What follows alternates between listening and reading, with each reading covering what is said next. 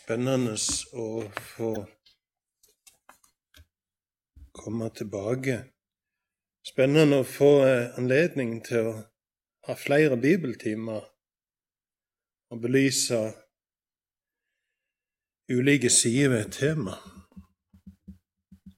Og så annonserte jeg sist tirsdag at uh, temaet for samlinga i dag ville bli Herren og tjeneren.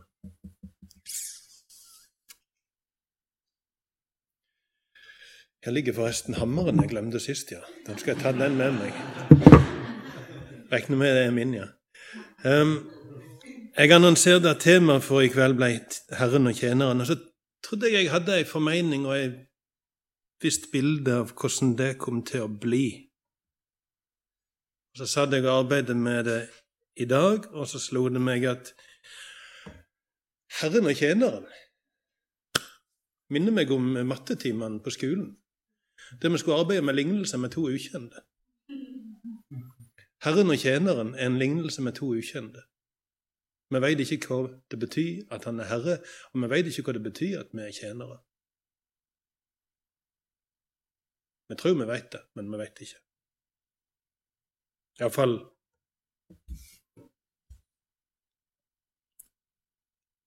Iallfall har vi begrensa forutsetninger for å vite hva det er for noen ting. Vi er ikke vant med begrepet Herre.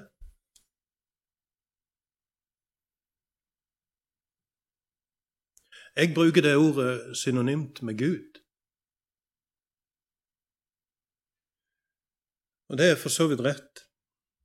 Um, men det, det, ordet hadde en helt spesiell um, betydning, eller, eller, de som hørte det for 2000 år siden, på en måte forbandt det med noe helt spesielt. Velkommen, velkommen. Um,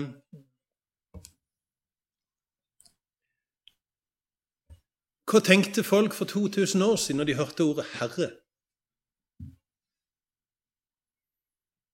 Det var ikke bare det at det var et annet ord for Gud. Men det hadde en helt spesiell betydning, en helt spesiell um, Spesielle assosiasjoner knytta til det ordet. Vi har, sjefer, og så har vi teamledere, og så har vi avdelingsledere, og så har vi rektorer.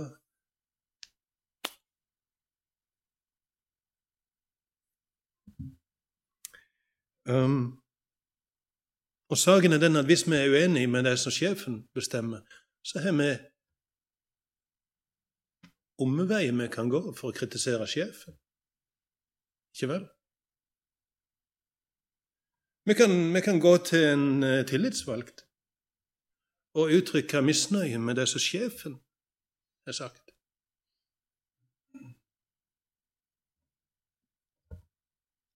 Og hvis vi ikke vinner fram, så kan vi si opp. Og Det gjør at vi, vi forstår ikke begrepet Herre.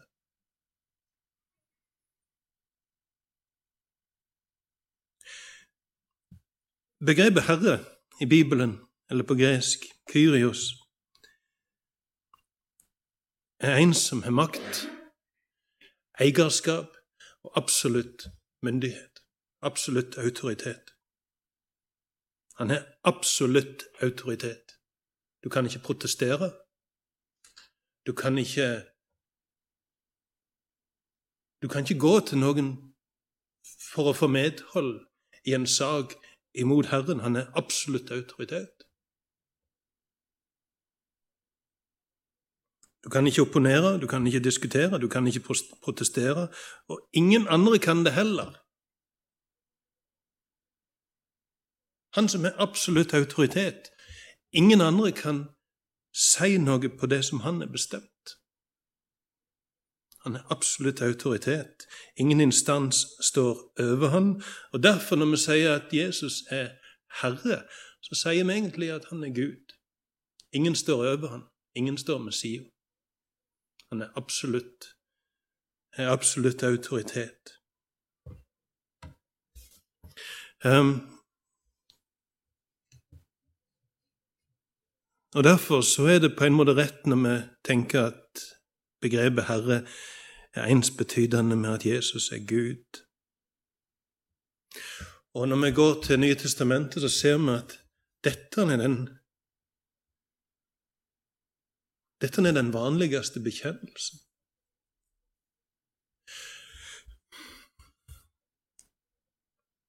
I vår bedehustradisjon er vi veldig opptatt av at Jesus er frelser. Når du leser Nytestamentet, så ser du at Jesus blir omtalt som Herre. Eventuelt som frelser og herre, eller som herre og frelser, eller bare som herre. Jesus er herre.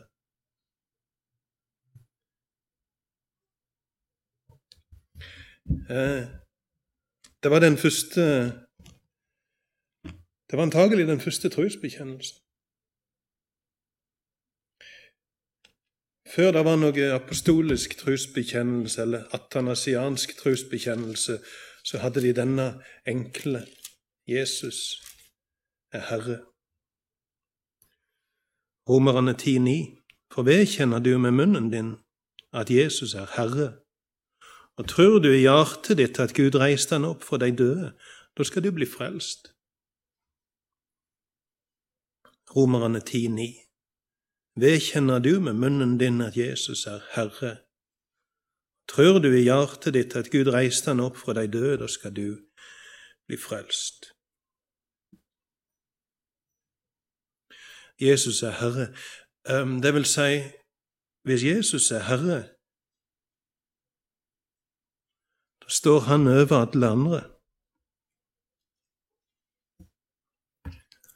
Han står over alle andre, og det vi ikke tenker over, det er at når de første kristne sa at Jesus er Herre, så ble det lagt veldig merke til. For den vanlige setningen på den tid var at Cæsar er herre. Keiseren er herre. Keiseren er absolutt myndighet. Han er på en måte Gud. Det var den vanlige bekjennelsen i, i, eh, for 2000 år siden. Cæsar er herre. Alle måtte si det. Det kunne være et tvang at du måtte på en måte bekjenne og få en attest på at du hadde sagt at Cæsar er herre. Men når de kristne går rundt og sier at Jesus er herre, så kolliderer det med det. Hvis Jesus er herre, så er ikke keiseren det. Og det var en bekjennelse som førte til forferdelig forfølgelse. Det gikk tvert imot keiserdyrkelsen.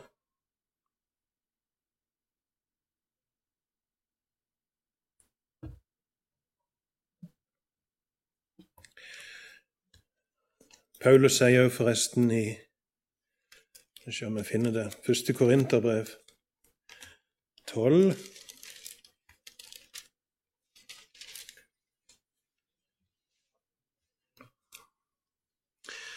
1. Korinterbrev 12, vers 3.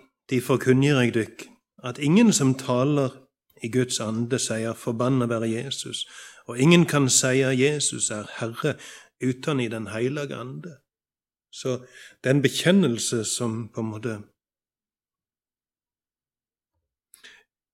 blir åpenbart av Den hellige ånd, og ingen kan, ingen kan gi den bekjennelsen uten i Den hellige ånd, sier Paulus. Så det er den første bekjennelsen. Jesus er Herre.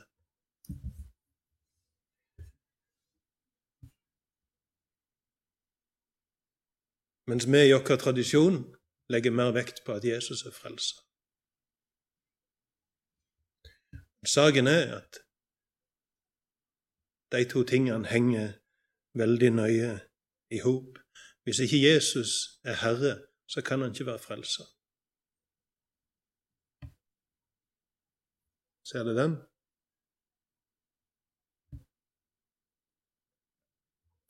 Hvis ikke Jesus er Herre, så kan han ikke være frelser. Um,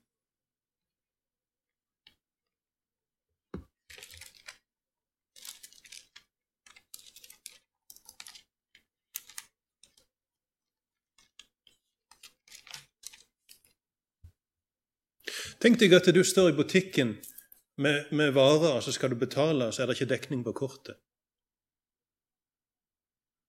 Og så er det en som kommer og sier det er greit, du kan ta varene og gå. Kan du gå, da?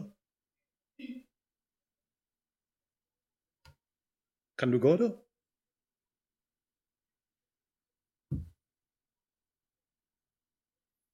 Det er ikke an på hvem som sier det. Hvis det var han bak deg i køen, så er ikke han myndighet til å si det. Hvis det er butikksjefen som sier det, så kan, du, så kan du gjøre det.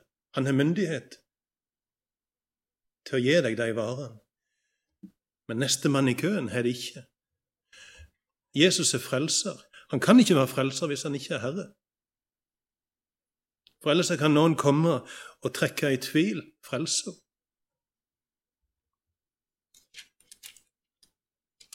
Og Derfor så liker jeg veldig godt et vers i Jesaja 33, vers 22.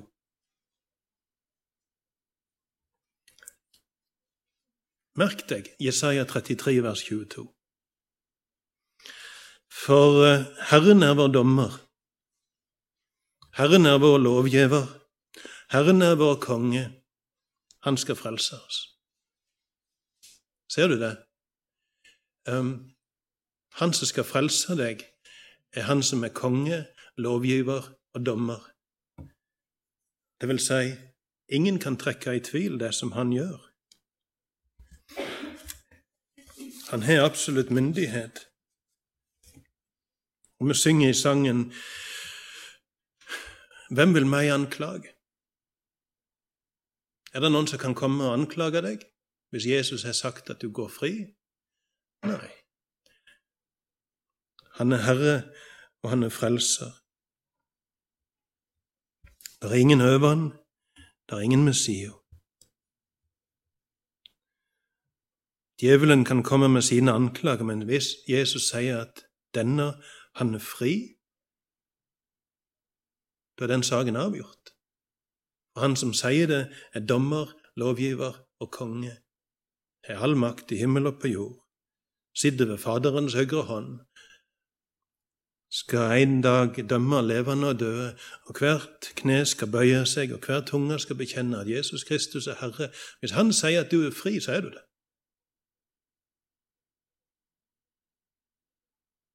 Derfor er det veldig viktig at han er herre, absolutt autoritet. All makt i himmel og på jord. Det er ingen over han, ingen Messio hans. Derfor er dommen hans absolutt. Frelser han seg uomtvistelig. For han er Herre.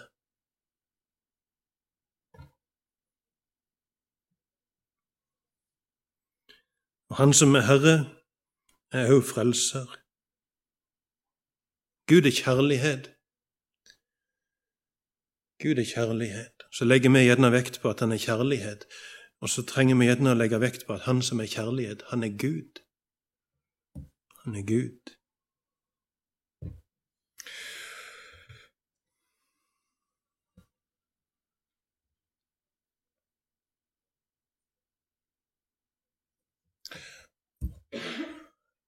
Og så lever vi 2000 år etter disse hendelsene i Nytestamentet.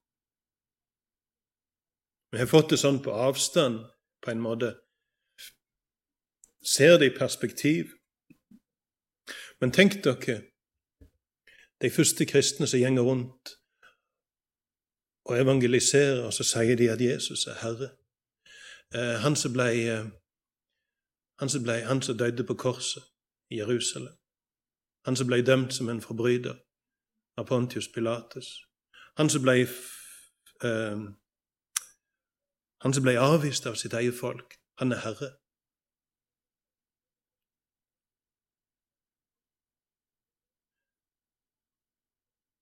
Det var, en, det var et budskap som kunne høres så latterlig ut, og så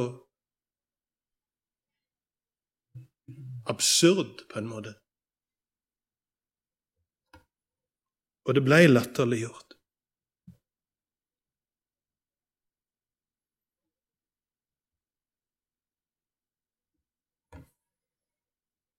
Jeg har sett bilde av en graffiti, eller hva vi kaller det, rissa inn med kniv i en mjuk eh,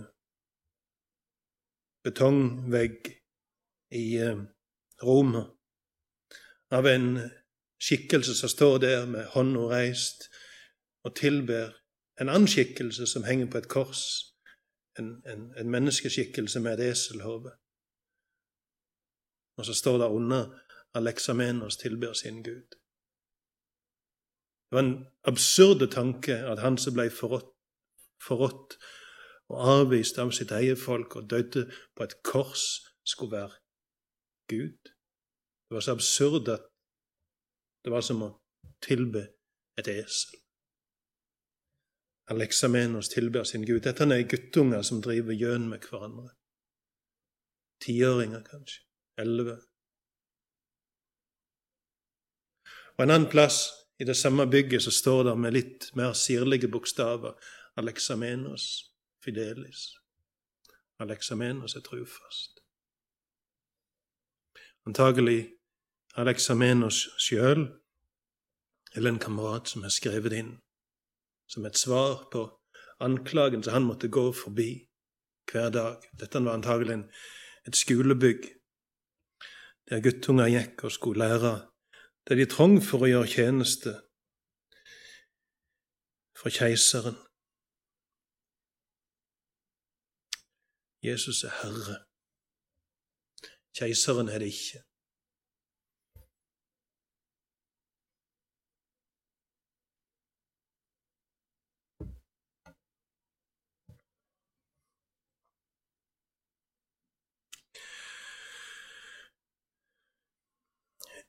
Og jeg sa at når jeg bruker ordet Herre, så bruker jeg det ensbetydende med Gud, men egentlig det ordet her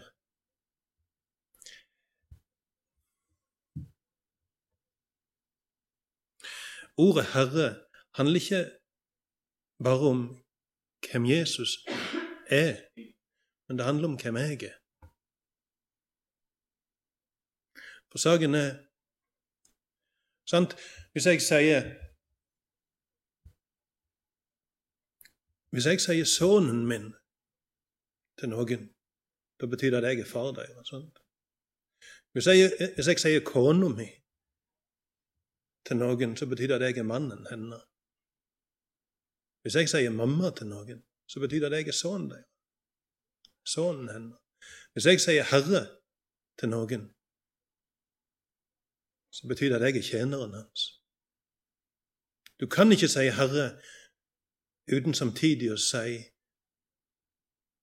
'Jeg er tjeneren din. Jeg står under deg. Jeg plikter å lyde deg.'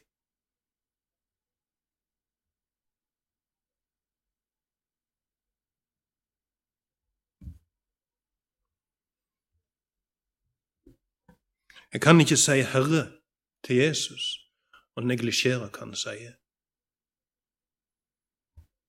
Og Derfor så sier Jesus i Lukas kapittel 6, vers 46.: Hvorfor kaller dere meg Herre, og gjør ikke det jeg sier? Lukas 6, 46. Hvorfor kaller dere meg Herre, og gjør ikke det jeg sier? Det gir ikke mening. Det er absurd å si at Jesus er Herre, og ikke høre på hva han sier.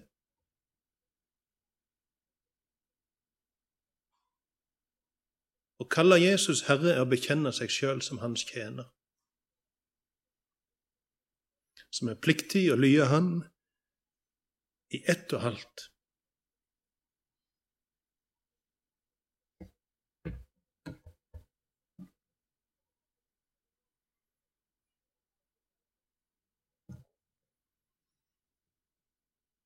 Jeg las forresten noe om det i, jeg tror det er Asbjørn Aavik som skriver Nei, ikke Asbjørn Aavik. Asbjørn Kvalbein har ei andagsbok.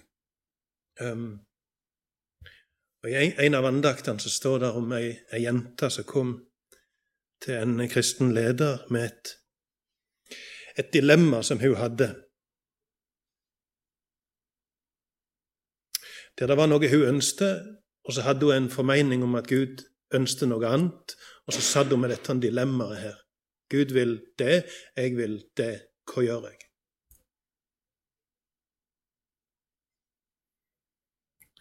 Husker ikke helt hvordan det var, men jeg lurer på om denne kristne lederen minde henne på en historie i apostelgjerningene, der, der Peter eh, sitter på taket av et hus, og så får han et syn. Um, en duk kommer dalende ned fra himmelen med alskens dyr på, og så kommer Guds stemme til Peter, og så sier han 'slakt og et'. Og Peter svarer 'på ingen måte, Herre'. På ingen måte, Herre. Og denne kristne lederen som skulle rettleie denne jenta, han sier, 'Du kan ikke si det. Du kan ikke si 'på ingen måte, Herre'. Hvis du sier 'Herre', så plikter du å lye. Hvis du sier 'på ingen måte', så er han ikke Herren din. Da avviser du han som Herre. Så du må velge. Enten sier du 'på ingen måte', og så stryker du 'Herre', eller så stryker du på ingen måte, og så står du igjen med Herre. Du må velge. Enten, enten gjør du det du sjøl vil, da er han ikke Herren din. Eller så er han Herren din, og da er det han som bestemmer. Så skriver han disse to ordene på en lapp framfor denne jenta. Nei, Herre. Så sier han du må stryke etter de ordene, og så går han. Så sitter hun igjen med denne papirlappen. Nei, Herre, og en blyant. Hun er nødt til å stryke etter ordene.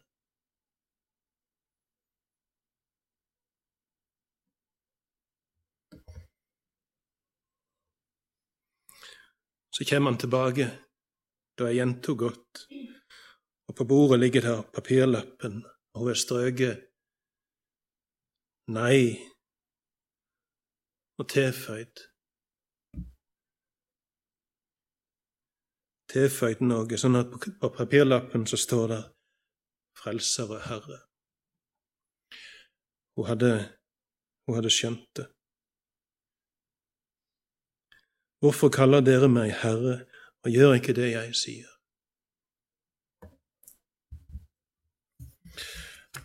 Um,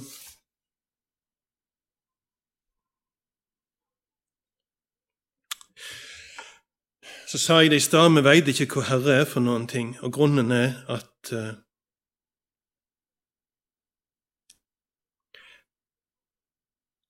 For 2000 år siden, når noen hørte det ordet, så visste de det, det er slaven sin talemåte. Slaven kaller sin eier herre. Så når vi sier at Jesus er Herre, så betyr det at vi er slaver. Det er en litt sånn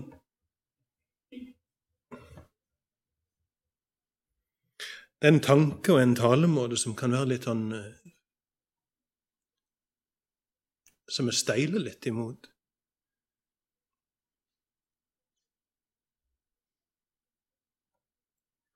Men eh, en herre, det var en som hadde makt eierskap og absolutt autoritet over slavene sine. Der det var herrer, der var det slaver. Der det var slaver, der var det herrer. Det henger i hop. Hvis Jesus er herre, så er vi slaver.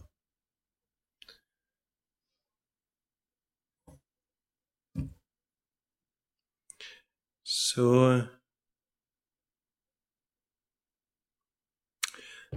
Jeg satt i dag og hørte en bibeltime. Um, om dette, og så sier han den Det er en gigantisk sånn Dette var på engelsk. Cover up. En, en, en, en enorm på en måte operasjon der virkeligheten er på en måte blitt lagt låg på. Omtrent alle plasser i Bibelen der ordet slave er brukt, blir det oversett med tjener. Men det å være en tjener er noe helt annet enn å være en slave. Det står slave i Bibelen. Og Folk visste veldig godt hva det var å være en tjener, men det er ordet slave som blir brukt. Igjen og igjen og igjen og igjen. og igjen. Overalt er det ordet slave som blir brukt. Jeg veit ikke om noen Jeg veit ikke om vi noen gang blir kalt, eller jeg veit ikke om de truende noen gang i Bibelen blir kalt tjenere. Det er konsekvent slave.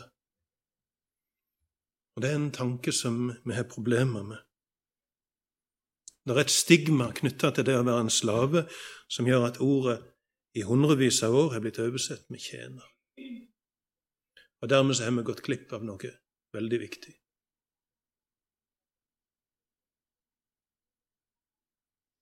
En tjener gjør en tjeneste, får ei lønn, går hjem.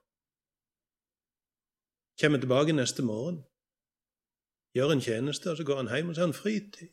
Så har han et liv hjemme. Og Hvis han ikke liker seg, så kan han si opp og begynne en annen plass. En slave er eid.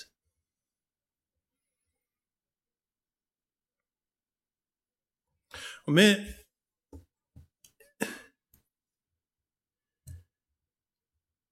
Vi er på en måte vant med at slaveri er noe forferdelig stygt. Og det er det i mange tilfeller. Men det var ikke det for 2000 år siden. Slaveri var utrolig vanlig for 2000 år siden. Kanskje en tredjedel av befolkninga i Romerriket var slaver. Onde folk hadde slaver, og gode folk hadde slaver. Du fant slaver i, i alle slags yrker og alle slags posisjoner.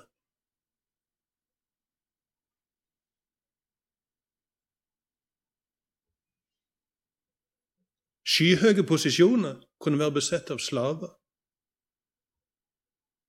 Folk med kolossale myndigheter, kolossale um, tillit, kunne være slaver. Men så hadde de det med seg dette, sånn, dette at de var eid. De var eid.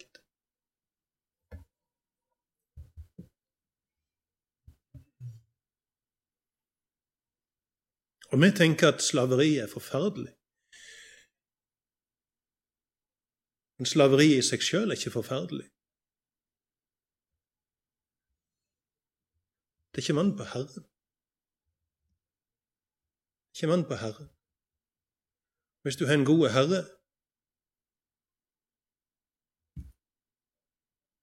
så kunne slaveri være noe utrolig trygt og godt. Det var en som eide deg. Det var en som tok seg av deg. Han tok seg av deg og familien. Hvis det skjedde noen ting, så var det en som stilte opp. Han hadde ansvar. Det var ikke du som hadde ansvar, det var en annen som tok ansvar for deg.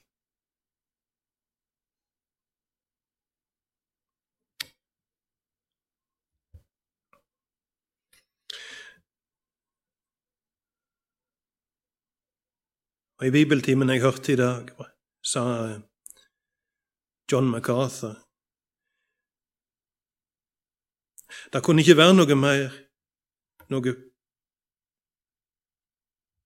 bedre liv enn det enn livet til en slave som var valgt, kjøpt, tatt hånd om, elska, beskytta. Um, Ehm, trygga og belønna av en perfekt, fullkommen Herre.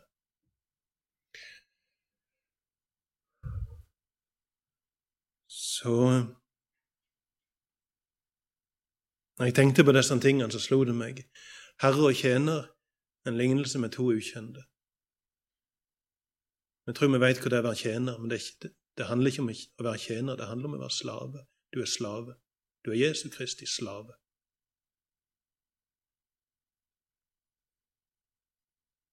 Det er det Bibelen sier. Jeg tror vi gjør vel i å ikke endre på det. Det er det Bibelen sier. Du er slave. Du er eid med hud og hår. Han er absolutt autoritet. Absolutt myndighet. Du har ingen anledning til å protestere, opponere eller diskutere. Han er herre. Absolutt autoritet.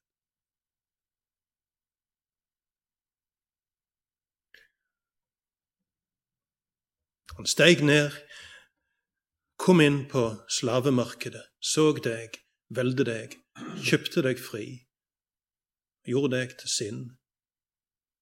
Og han er Herren din. Han er absolutt autoritet. Og han er en fullkommen Herre.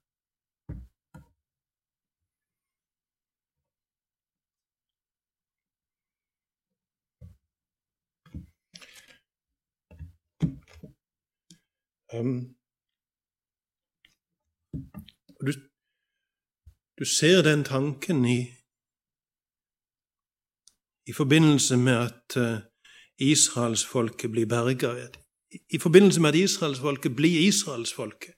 Det er det som skjer når, når Gud stiger ned, der de lever i slavekår under en forferdelig herre i Egypt. Og så stiger han ned, og så frir han de ut ifra dette slavekår og gjør de til sitt folk.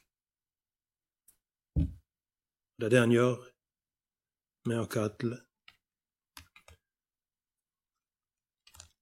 Og en dag skal han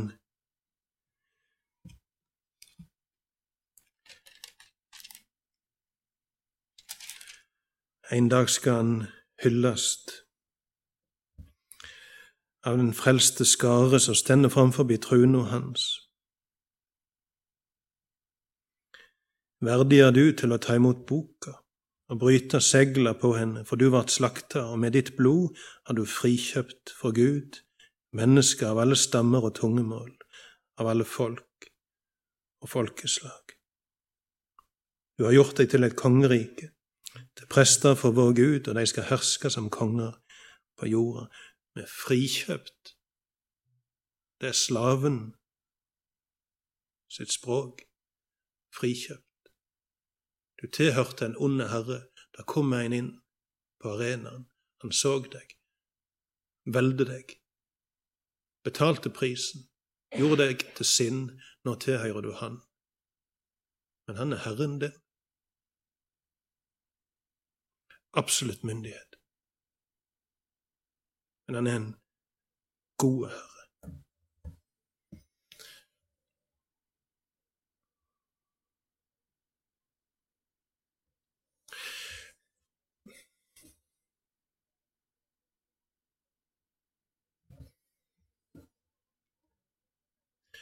Kjenner dere at det steiler litt inni dere? Ikke lyst til å tenke på dere sjøl som slaver?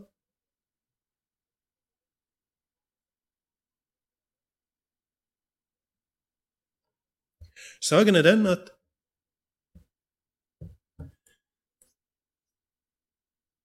det var slaver i alle alle profesjoner og alle nivåer. Overalt i Romerriket fant du slaver. Du fant det på Slottet. Det var noen som var slaver hos kongen.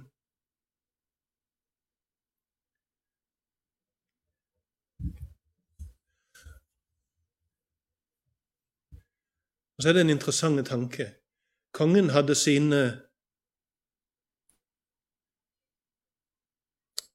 Det var folk som kom i audiens til kongen. sant? Kongen satt på sin trune kledd i sin, sine flotte, sin flotte kongedrakt. Der sitter kongen på truna, og han tar imot folk i en offisiell audiens. Og så går folkene. Og så trekker kongen seg tilbake til sine værelser. Der er slaven. De har som sitt kall og sin oppgave i livet å gå kongen til hånde og gjøre det de kan for at han skal på en måte ha det godt og være eh, De prøver å glede han. Det er de som hjelper han av med disse flotte klærne. Det er de som finner fram nattøyet til han. Det er de som vet akkurat hvorfor noen tøfler som kongen liker så veldig godt. Så de er å finne tøflene til kongen. De leser kongen som ei åpen bok. De ser han når han har lagt av seg den offisielle drakta og den offisielle mina. Og han går der rundt, og de ser, de ser kanskje irritasjonen i ansiktet hans, eller de ser bekymringen i ansiktet hans. Og de leser han som ei åpen bok. Ingen kjente kongen bedre enn slaven hans.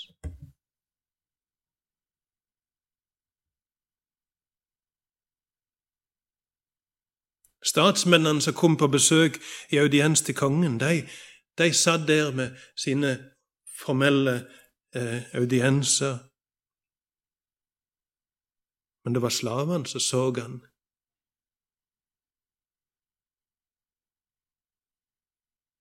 Når han gikk rundt på sine egne, i sine egne værelser.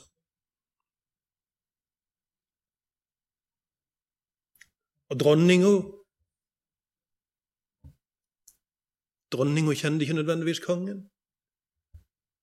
Kongen hadde gjerne 10 eller 15 eller 20 koner. De ble bare tilkalt når han skulle ha sex. Ungene de levde på, måte, på sin kant av palasset, så han hadde ikke noen sånn nære kontakt med konen sin eller ungene sine. Det var slavene som kjente kongen. Slavene var kongen sin mest fortrolige og blei kongen sin, sine fortrolige, de som han gjerne betrudde seg til.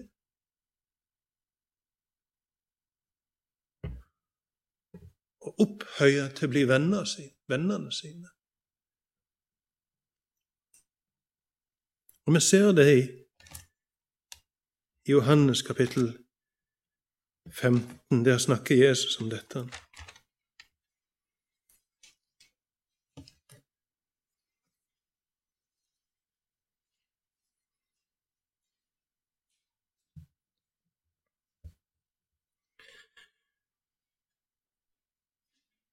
Johannes kapittel 15, vers 14.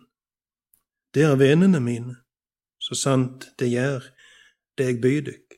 Jeg kaller dykk ikke tjenere lenger, for tjeneren veit ikke hva Herren hans gjør. Jeg kaller dykk venner, for jeg har fortalt dykk alt jeg har hørt av far min. Det har ikke valgt ut meg, men jeg har valgt ut dykk og sett dykk til å gå ut og bære frukt, ei frukt som varer. Da skal Far gi dykk alt det ber om i mitt navn. Dette er det jeg byr dykk, det skal elske hverandre.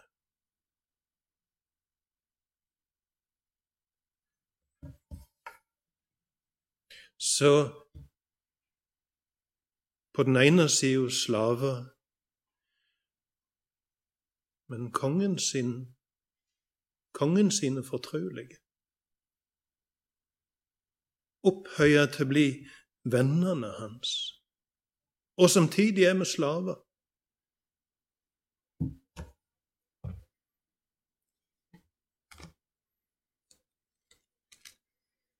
Selv om det er et ord vi kvir oss for å bruke om oss sjøl. Og Hvis du kjenner at det streiker litt i deg når jeg bruker det ordet Hør hva det står i Filippa brevet kapittel 2, ifra ifra vers 5. Filippabrevet kapittel 2, vers 5. La det samme sinnelaget være i dykk, som òg var i Kristus Jesus. Han var i Guds skapnad og så det ikke som ei rov å være Gud lik, men ga avkall på sitt eget, tok en tjeners skapnad og vart menneskelik. Da han sto fram som menneske, fornedret han seg sjøl og vart lydig til døden, ja, døden på krossen. Derfor har òg Gud opphøgd Han til det høgste og gjeve navnet over alle navn. I Jesu navn skal de for hvert kne bøye seg, i himmelen, på jorda og under jorda, og hver tunge vedkjenne at Jesus Kristus er Herre, til Gud Faders ære.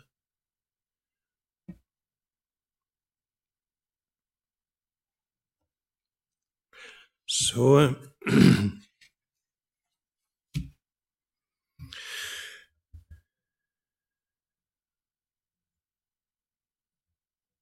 Hvis vi kjenner at det streiker i oss med tanke på at vi skal kalles slaver, eh, så kan du minne deg sjøl om at Jesus ble slave for din skyld. Han la av seg sin herlighet, steg ned og ble en slave lik, og tok den oppgaven som ingen av disiplene følte seg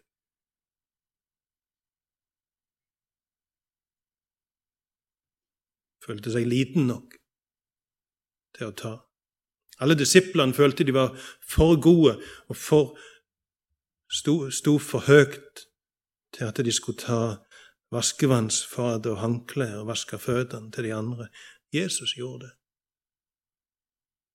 Han tok en slaves oppgave på seg. Fornedra seg sjøl og ble lydig til døden, døden på krossen. Så vi er slaver som skal bli sønner og døtre. Han er sønnen som ble slave.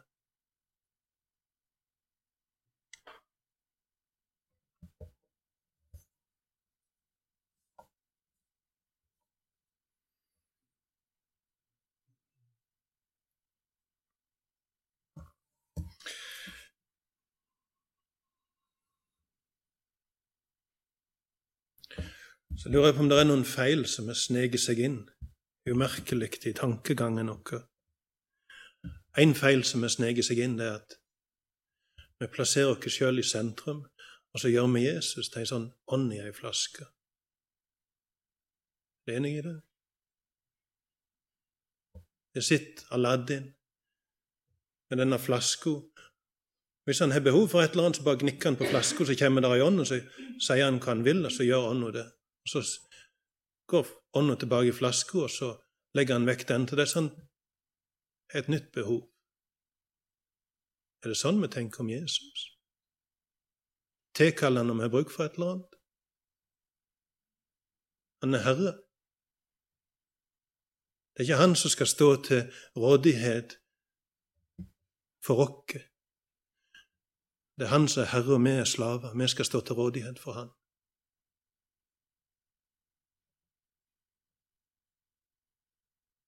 24-7. Vi har ikke arbeidstid, vi har ikke ferie.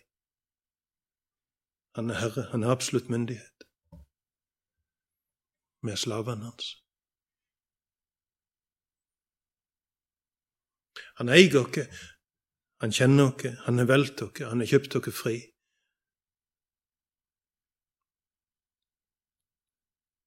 Og han eh, inviterer oss til fortrolig fellesskap.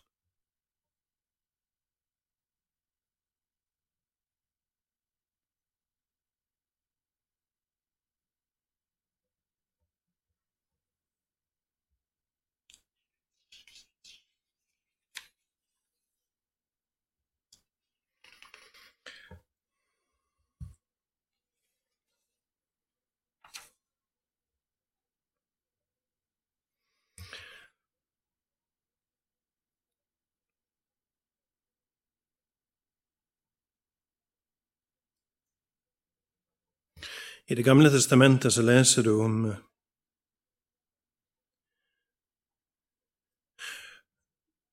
Det kunne hende at en eh, slaveeier, en herre, eh, bestemte seg for å gi fri slavene sine. En god herre kunne gjøre det. Bestemme seg for å gi fri slavene sine. Og så er det da at slaven hva, hva skjer hvis slaven sier 'Jeg har ikke lyst til å gå, jeg har lyst til å være her'? Du leser om det, det står både i andre Mosebok og i femte Mosebok. Hva gjør du da? Herren tilbyr slaven du kan bli fri hvis du vil. Så sier han, 'Jeg vil ikke bli fri. Jeg vil være her hos deg.'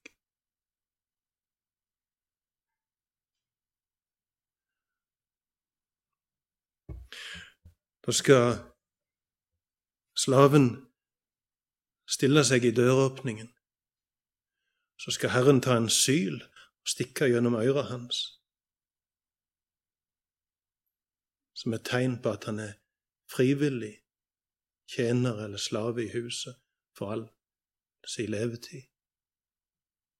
Og Det sier noen ting om at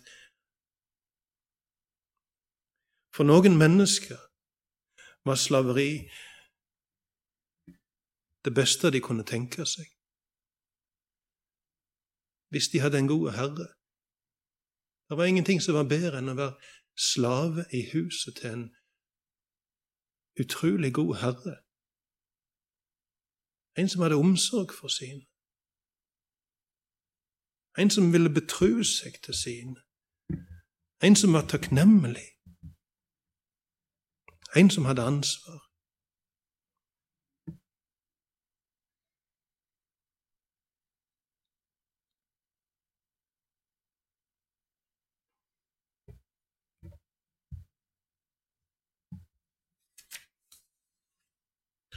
Og så har jeg tenkt på noe som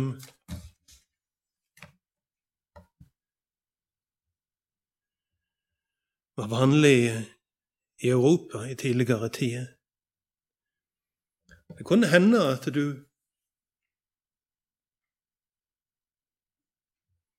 At det var en som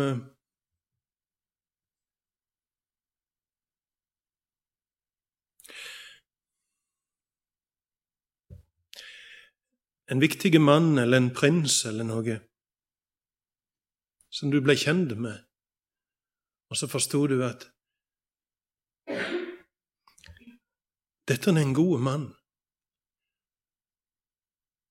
Jeg skulle ønske han kunne blitt konge i landet vårt. Og så var det kniving om hvem som skulle bli konge.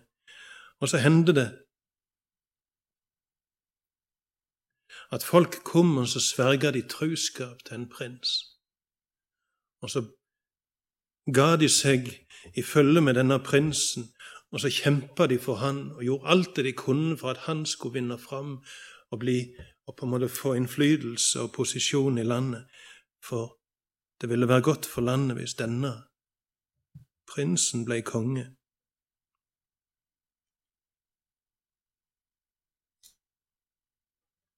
Og så kunne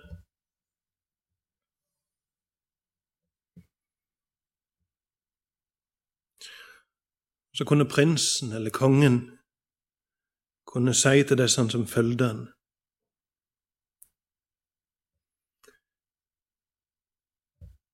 Take a knee. Knel. Og så kneler denne ned framfor kongen, og kongen drar fram sverdet sitt og slår det på høyre akslo og venstre akslo, og slår denne personen til ridder. Arise, sa William. Han slo han til ridder. Etter at denne personen hadde bøyd kne for kongen, sverger han truskap. Kongen slår han til ridder.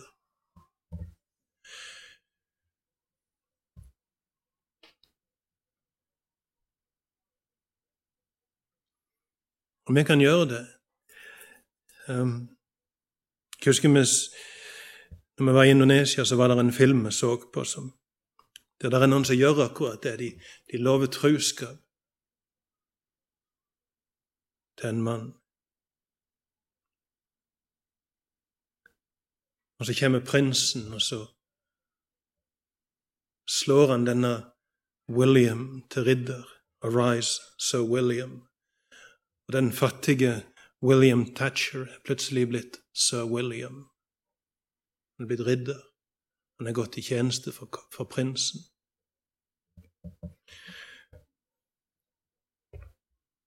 Og så står det i Bibelen at en dag skal hvert kne bøye seg.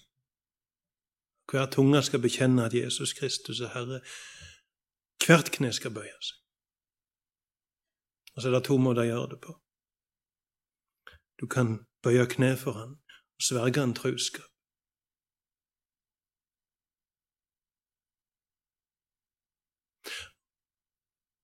Her og nå. Eller på rommet ditt seinere i kveld. eller en dag er det noen som skal bøye kne for han og erkjenne at Jesus Kristus er Herre, men for deg skal det bli for seint. Noen skal bøye kne for han en dag for å høre dommen over et liv i opposisjon. Men vi kan òg bøye kne for han her og nå og lover han truskap. Han er absolutt myndighet. Han er eierskap, og han er makt. Han fant dere på slavemarkedet, kjøpte dere fri fra en onde herre og gjorde dere til sine. Han er herren dere. Han eier dere med hud og hår. Han har krav på absolutt lydighet. Det kan bli et livsprosjekt å leve til ære og glede for kongen. Det er ikke noe stakkarslig og kjedelig, men det er noe edelt og nobelt og fint. Og han ønsker fortrolig fellesskap med oss.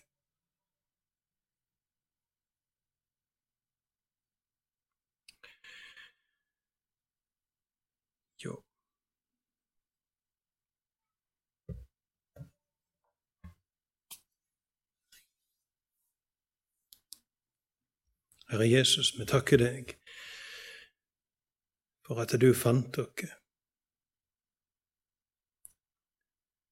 Velde dere, kjøpte dere fri og gjorde dere til dine. Og så kjenner du oss og veit hvordan vi tenker og føler, og ønsker å være egne herrer. Eh, men hjelp oss til å leve i en daglig omvendelse der vi minner oss sjøl og blir minnet av deg om at det er du som er Herre. Det er du som bestemmer.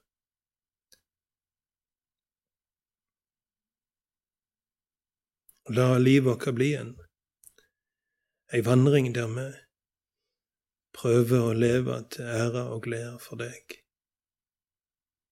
Og så kaller du oss til fortrulighet, sånn som vi las ifra Johannes 15. Og så kaller du oss òg til en himmel der vi skal få være sønner med arverett. Kalle deg bror.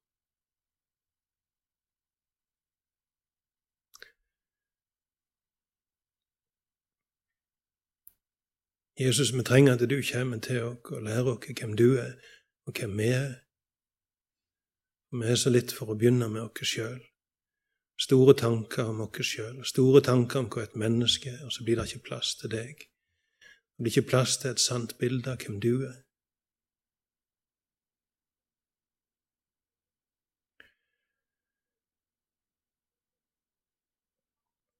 Hjelp oss du, Jesus, til å tenke rett om oss sjøl og om deg. Amen.